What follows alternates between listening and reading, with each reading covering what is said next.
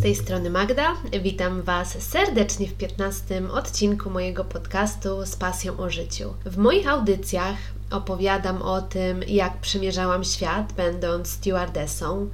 Zdradzam, jak od kuchni wygląda ich życie, dzielę się rozmaitymi ciekawostkami ze świata, opowiadam o swoich ulubionych miejscach na Ziemi, a także o tym, czego uczą podróże i jak zmieniają ludzi. Jeżeli tak jak ja lubisz podróżować, nie możesz usiedzieć w jednym miejscu i interesuje Cię świat lotnictwa, to na pewno w moim podcaście znajdziesz tematy, które Cię zainteresują i mam nadzieję, że zostaniesz ze mną na dłużej. Dziś przychodzę do Was z idealnym odcinkiem na rozpoczęcie poniedziałkowego poranka, ponieważ dzisiaj porozmawiamy sobie o kawie, a w zasadzie o tym, jaką kawę pije się w poszczególnych miejscach na świecie. Zaczniemy od krótkiej genezy kawy, czyli opowiem Wam, gdzie została odkryta, a następnie opowiem Wam o różnych rodzajach kawy, jakie miałam okazję spróbować. Posłuchacie między innymi o kawie greckiej, o kawie arabskiej, o kawie z jajkiem, czyli o wietnamskiej oraz o jednej z najdroższych kaw świata, czyli o indonezyjskiej coffee luwak. Zabiorę Was także do Seattle, do Stanów Zjednoczonych, gdzie powstał pierwszy na świecie Starbucks oraz zdradzę, dlaczego przez wiele lat Australia i Nowa Zelandia nie chciały wpuścić Starbucksa na swoje terytorium. Ponadto wybierzemy się do nieoczywistych kawiarni, jakie miałam okazję odkryć odwiedzając różne ciekawe miejsca. Zatem, jeżeli tak jak ja jesteś kawoszem, lubisz spędzać czas w kawiarniach i chętnie dowiesz się na jej temat kilku ciekawostek, to serdecznie zapraszam do wysłuchania dzisiejszego odcinka. Zaczynamy! Miłego słuchania. Nie wiem jak Wy, ale ja absolutnie nie wyobrażam sobie poranka bez kawy. Kawa o poranku jest dla mnie jak wieża Eiffla dla Paryża, czyli po prostu nie mogą bez siebie istnieć. Co prawda, nie sądzę, żeby kofeina zawarta w kawie jakoś specjalnie mnie pobudzała, ale sam rytuał jej parzenia dodaje mi energii. Za każdym razem, kiedy jechałam do nowego miejsca, to oprócz tego, że spisywałam sobie, co chcę zobaczyć, to także wyszukiwałam klimatyczne kawiarnie, których mogłabym się napić dobrej kawy. Był to mój rytuał i bez dobrej kawy nie wyobrażałam sobie żadnego wyjazdu. I powiem Wam, że w zasadzie to z czasem bardziej cieszyłam się z tego, że odwiedzę nową kawiarnię, niż na przykład z tego, że zobaczę jakieś nowe zabytki. W kawiarni tak naprawdę mogłam poczuć klimat miejsca, mogłam poobserwować lokalnych ludzi, zobaczyć, co robią, co czytają. Mogłam podsłuchać ich rozmowy. Oczywiście, jeżeli mówili y, w języku, który rozumiałam. I szybko odkryłam, że jest to bardzo relaksująca czynność, a tak zwykły napój jak kawa może być przyrządzany na tak rozmaite sposoby. Jeżeli natomiast chodzi o genezę kawy, to po raz pierwszy została odkryta w Afryce, a dokładniej w Etiopii, gdzie lokalne plemiona mieszały ziarna kawy z tłuszczem zwierzęcym, formując coś na wzór dzisiejszych batoników proteinowych które miały im pomóc przetrwać podczas długich wędrówek po pożywienie. Co ciekawe, niektóre plemiona konsumują je do dziś. Ale jedna z legend głosi, że pewnego dnia etiopski pasterz zauważył, że kozy, które wypasał, codziennie jadły nikomu nieznane czerwone owoce. Zaobserwował także, że po ich spożyciu kozy są bardzo dziwnie pobudzone. Przeprowadzono zatem eksperyment i zagotowano te owoce w wodzie, i okazało się, że po wypiciu takiego naparu człowiek także dostaje przypływu jakiejś tajemniczej energii, dzięki czemu mnisi mogli na przykład całą noc modlić się w klasztorze. Dzisiaj regiony świata, w których uprawiana jest kawa, nazywają się pasem kawowym, który rozciąga się między zwrotnikami raka oraz koziorożca. Panują tam doskonałe warunki do jej uprawy. Są tam żyzne gleby, łagodne temperatury i duża wilgotność, czyli coś, co kawa lubi najbardziej. Jeżeli pijecie kawę, to na pewno wiecie, że dwa najpopularniejsze gatunki kawy to arabika i robusta. Arabika jest łagodniejsza w smaku, zaś robusta jest kawą mocniejszą i bardziej cierpką. Jeżeli lubisz, gdy podczas parzenia kawy na wierzchu powstaje pianka, to koniecznie wybierz robustę, ponieważ to właśnie jej ziarna odpowiadają za jej niezwykłą kremowość. To tyle tytułem wstępu, a teraz chciałabym opowiedzieć Wam kilka słów o kawie greckiej, która tak w zasadzie jest kawą turecką, ale Grecy chcieli mieć coś swojego, więc po prostu nazwali ją kawą grecką. Jednym z moich ostatnich lotów były właśnie Ateny, więc nie mogłam sobie odmówić tej przyjemności i nie spróbować lokalnej kawy. I tak spacerując sobie po mieście, zupełnie przez przypadek natrafiłam na przecudowną kawiarnię, gdzie zamiast stolików na schodach leżały wygodne, bardzo duże poduchy, na których można było usiąść i w spokoju się zrelaksować. Szczerze mówiąc, nie wiedziałam, czym jest kawa grecka, więc zamawiając ją, nie miałam pojęcia, na co się pisze, ale okazało się, że kawa jest po prostu wyśmienita, jest mocna, jest aromatyczna, ale jej problem polegał na tym, że była bardzo, bardzo malutka i dosłownie wystarczyły dwa łyki i już było po kawie. Jak się potem dowiedziałam, to mimo, że ta kawa była bardzo malutka, to rodowici Grecy potrafili siedzieć i pić tą malutką kawę przez cały dzień. Oczywiście, jak przystało na Greków, nigdzie się przy tym nie spiesząc. Kawę po grecku przygotowuje się w specjalnym tygielku, następnie przelewa się ją do filiżanki i uwaga, obowiązkowo musi wytworzyć się pianka, a jeżeli się nie wytworzyła, to znaczy, że kawa była źle zaparzona. Kolejną kawą jest kawa arabska i po przeprowadzce do Dubaju miałam z nią styczność po raz pierwszy. Kawa arabska ma dość specyficzny smak i nie każdemu podpasuje. Jest kawą mocną, co ważne, podaje się ją bez mleka, bez cukru. Często przyrządzana jest na bazie wody różanej oraz doprawiana jest kardamonem lub innymi przyprawami. Co ważne, do kawy obowiązkowo serwuje się daktyle. Kawa arabska podawana jest w specjalnym dzbanku, który jak dla mnie wyglądem przypomina ten dzbanek z bajki o Alladynie, z którego wychodził dżin zaś filiżanki do serwowania kawy arabskiej są dość malutkie i zazwyczaj nie posiadają ucha. Parzenie takiej kawy zazwyczaj odbywa się na oczach gości i jest prawdziwą ceremonią. Do tego stopnia, że sposób parzenia kawy arabskiej został wpisany na listę Światowego Dziedzictwa UNESCO. Proces parzenia kawy dla Arabów jest symbolem gościnności i mają nawet takie specjalne pokoje gościnne, które przeznaczone są właśnie do spożywania kawy.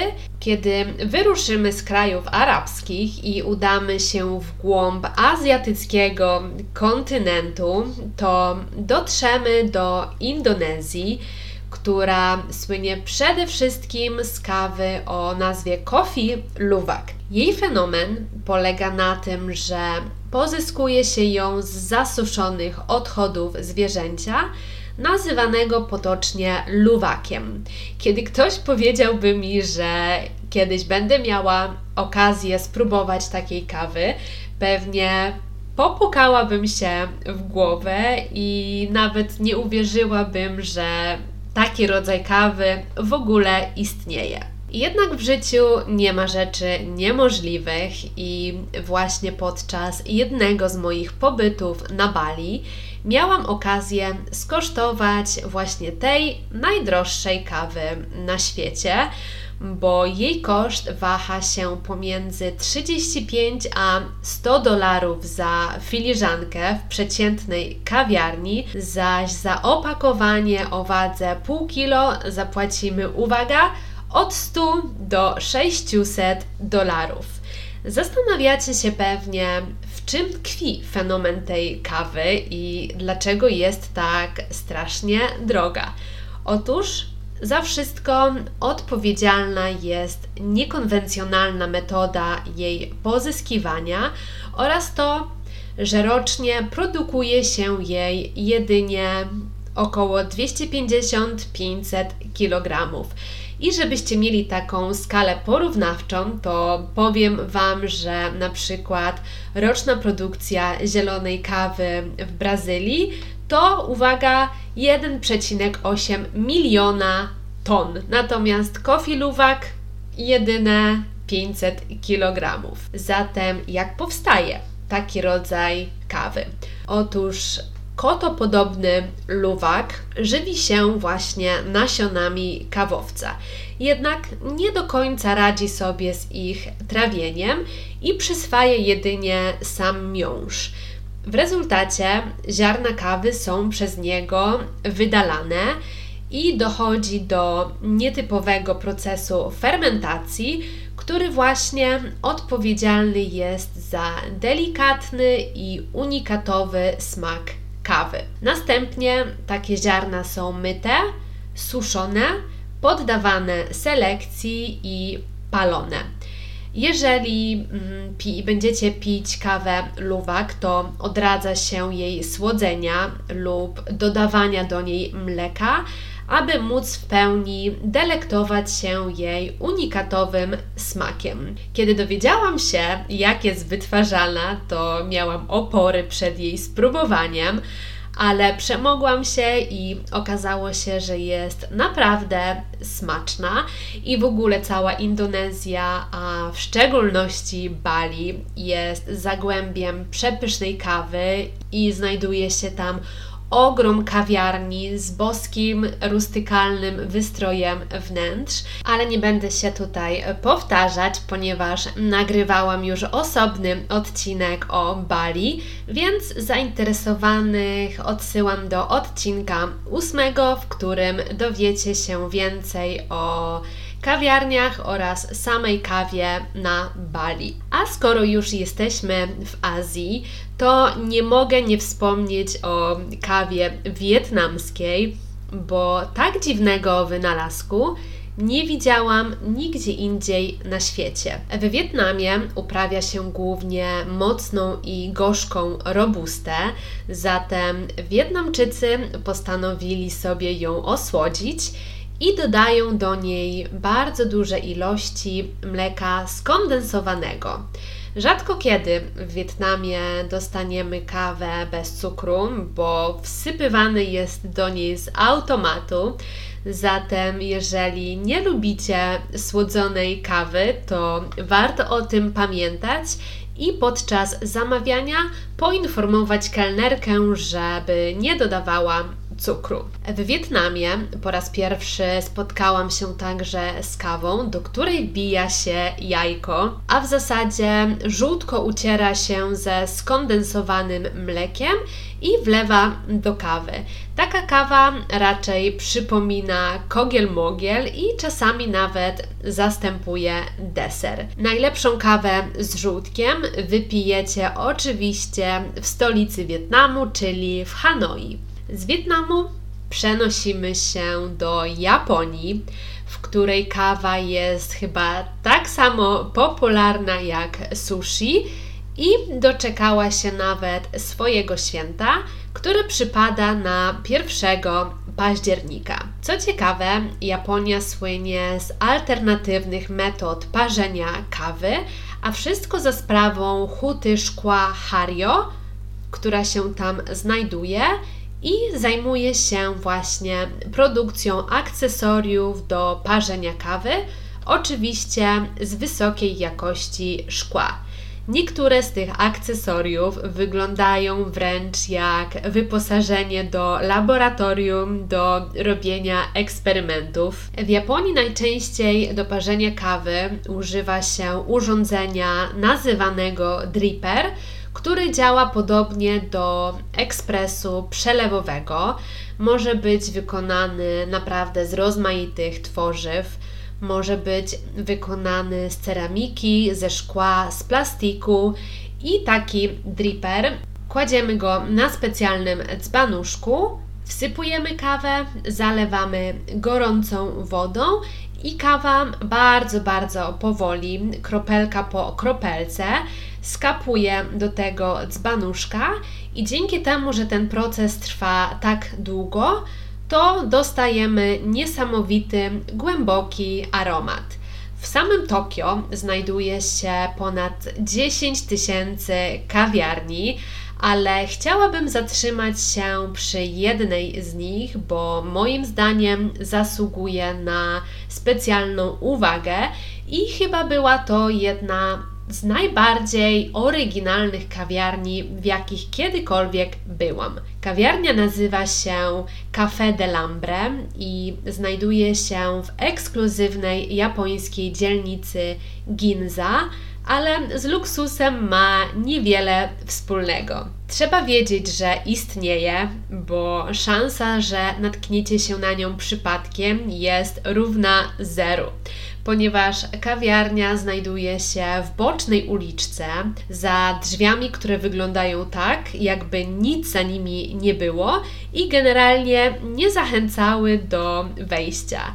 Jest to naprawdę wyjątkowe miejsce, które zgłębia tajniki parzenia kawy już od 1948 roku i jego właściciel Sekiguchi Ishiro niestety zmarł w marcu 2018 roku, ale uwaga, miał 104 lata i miał za sobą mnóstwo lat doświadczenia, jeżeli chodzi o parzenie kawy. Dlatego Wszystkie techniki opanował do perfekcyjnej perfekcji. Kawiarnia znajdowała się w dość długim, niskim i bardzo zadymionym pomieszczeniu. Gdy tam weszłam, to szybko zauważyłam, że nie występują tam żadne nowoczesne technologie, a już na pewno nie znajdziecie tam tradycyjnego ekspresu do parzenia kawy.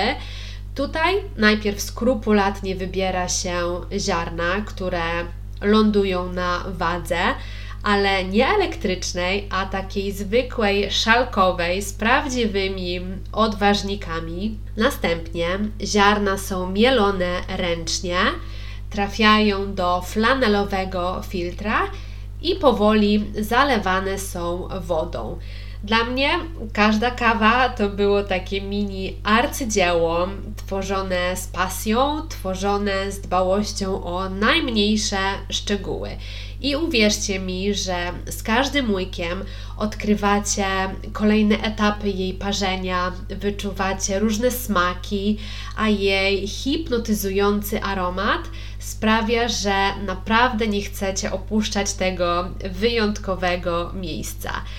Ale też jako ciekawostkę powiem Wam, że jeżeli wybieracie się do Café de Lambre na przysłowiowe latte i croissanta, to na pewno będziecie rozczarowani, bo tutaj dostaniecie tylko i wyłącznie kawę.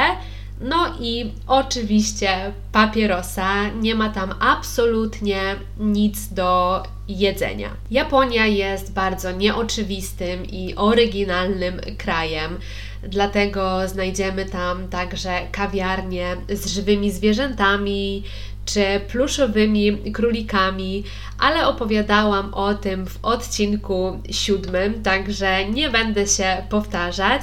Wszystkich zainteresowanych zapraszam właśnie do siódmego odcinka, w którym opowiadam, czym zaskakuje kraj kwitnącej wiśni. I teraz z orientalnej Japonii przenosimy się do Australii, gdzie kawiarniana kultura zagościła na dobre i w kawiarniach już od 6 rano ustawiają się kolejki ludzi, którzy jeszcze przed pracą chcą złapać flat white na wynos. A czemu wspominam akurat o kawie flat white? A dlatego, że to najpopularniejsza kawa zarówno w Australii, jak i w Nowej Zelandii. Oba kraje lubią ją tak bardzo, że nadal trwa spór o to, która nacja jest autorem tej pysznej kawy z puszystą pianką. Flat White podobno powstała w stolicy Nowej Zelandii, w Wellington, w rezultacie przygotowania nieudanego cappuccino przez jednego z tamtejszych baristów. Przygotowując cappuccino, barista użył do tego celu chudego mleka, które zwyczajnie nie chciało się spienić i powstał napój, który dziś nazywamy właśnie flat white. W czym zatem tkwi sekret flat white i czym różni się ten rodzaj kawy od cappuccino czy latte? Już Wam tłumaczę. Flat white w jednej trzeciej składa się z podwójnego espresso i w dwóch trzecich z pełnotłustego mleka, które jest spieniane do uzyskania kremowej, aksamitnej konsystencji. Kawa flat white serwowana jest zazwyczaj w ceramicznej filiżance, zazwyczaj mniejszej niż filiżanka do cappuccino. Jest mocniejsza niż cappuccino oraz latte, ponieważ zawiera o wiele mniej mleka, a kremowa pianka w zasadzie tylko lekko zakrywa wierzchnią warstwę kawy. Jako miłośnik czarnej kawy byłam w niebo wzięta, gdy właśnie w Australii i w Nowej Zelandii odkryłam kolejny rodzaj kawy, którego nie spotkałam nigdzie indziej na świecie, a mianowicie jest to kawa nazywana Long Black. Long Black to nic innego jak odwrócone americano, czyli do gorącej wody wlewamy jeden shot espresso i dzięki tej odwrotnej kolejności kawa zachowuje na wierzchu swoją charakterystyczną piankę i jest mocniejsza i bardziej aromatyczna niż tak popularne rozwodnione americano. Moje ulubione miejsce na czy to flat white, czy long black, znajdowało się w kawiarni Speedos w Sydney. Chodziłam tam za każdym razem, kiedy byłam w Australii, nie tylko ze względu na kawę, ale przede wszystkim ze względu na lokalizację i widok, ponieważ kawiarnia znajdowała się tuż nad brzegiem oceanu, na sławnej plaży Bondi Beach. Okna tej kawiarni były tak wielkie, że sprawiały takie wrażenie, że siedziało się dosłownie na plaży ale oprócz tego był to idealny punkt obserwacyjny, aby poprzyglądać się słynnym, opalonym, pięknym australijskim surferom. Także sami przyznacie, zwłaszcza dziewczyny, które mnie słuchają, że kawa z takim widokiem smakowała 10 razy lepiej. Mimo tego, że jestem miłośnikiem kawy, to nie miałam zielonego pojęcia, że w Australii także znajdują się plantacje kawy. Znajdują się w stanie Queensland, gdzie znajdują się właśnie tropikalne lasy. Dowiedziałam się o tym całkowicie przypadkiem, natrafiając na stoisko z australijską kawą w mieście Cairns, które jest miastem wypadowym na wielką australijską rafę kolarową. Najbardziej znaną plantacją jest Skybury, która znajduje się w północnej Australii, właśnie niedaleko miasta Cairns i należy do prywatnej rodziny. Jest najstarszą plantacją kawy w Australii i zatrudnia jedynie 10 osób. E, jak sami widzicie, Australijczycy naprawdę uwielbiają kawę doskonałej jakości i nigdy, będąc w Australii, nie zdarzyło mi się, żebym wypiła niedobrą kawę.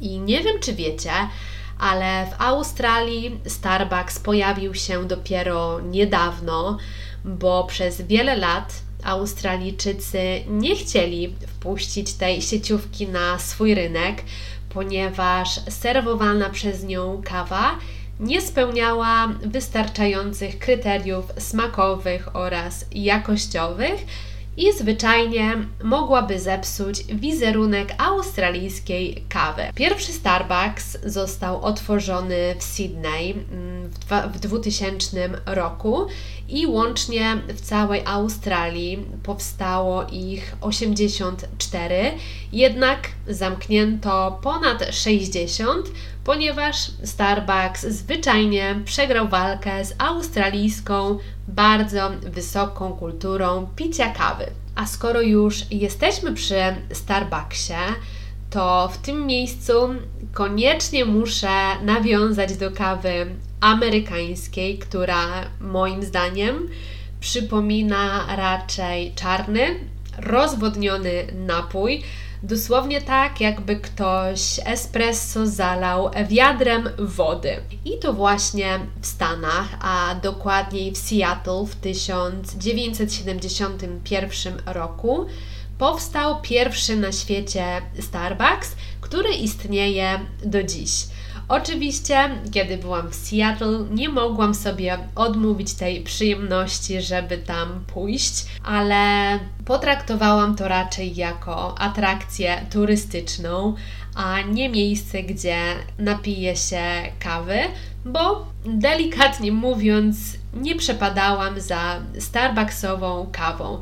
Oczywiście, jak możecie się domyślać, kolejka wychodziła na ulicę ale myślę, że ludzie głównie kojarzą Starbucksa ze sławną marką i chodzą tam głównie dlatego, że jest popularny, a nie dlatego, że serwuje dobrą kawę. Powiem Wam szczerze, że z kawą w Stanach jest różnie, ale zazwyczaj jest źle, więc jeżeli jesteście fanem na przykład kaw smakowych czy kaw z mlekiem, to może jakiejś wielkiej tragedii nie będzie, ale fani małej czarnej mogą poczuć się zawiedzeni. Dlatego wiedziałam, że lecąc z mamą do Nowego Jorku, muszę znaleźć miejsce, gdzie kawa będzie smakowała bez zarzutu i moja misja zakończyła się sukcesem. Odkryłam włoską kawiarnię Cafe Reggio, która w 1927 roku została otwarta przez włoskiego emigranta.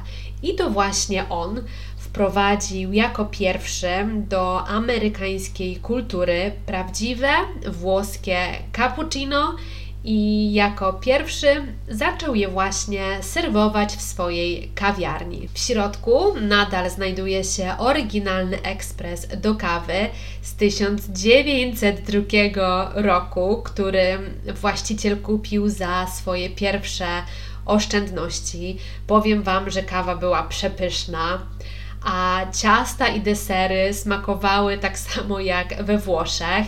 Wystrój był trochę podobny do tej kawiarni, na którą natrafiłam w Japonii.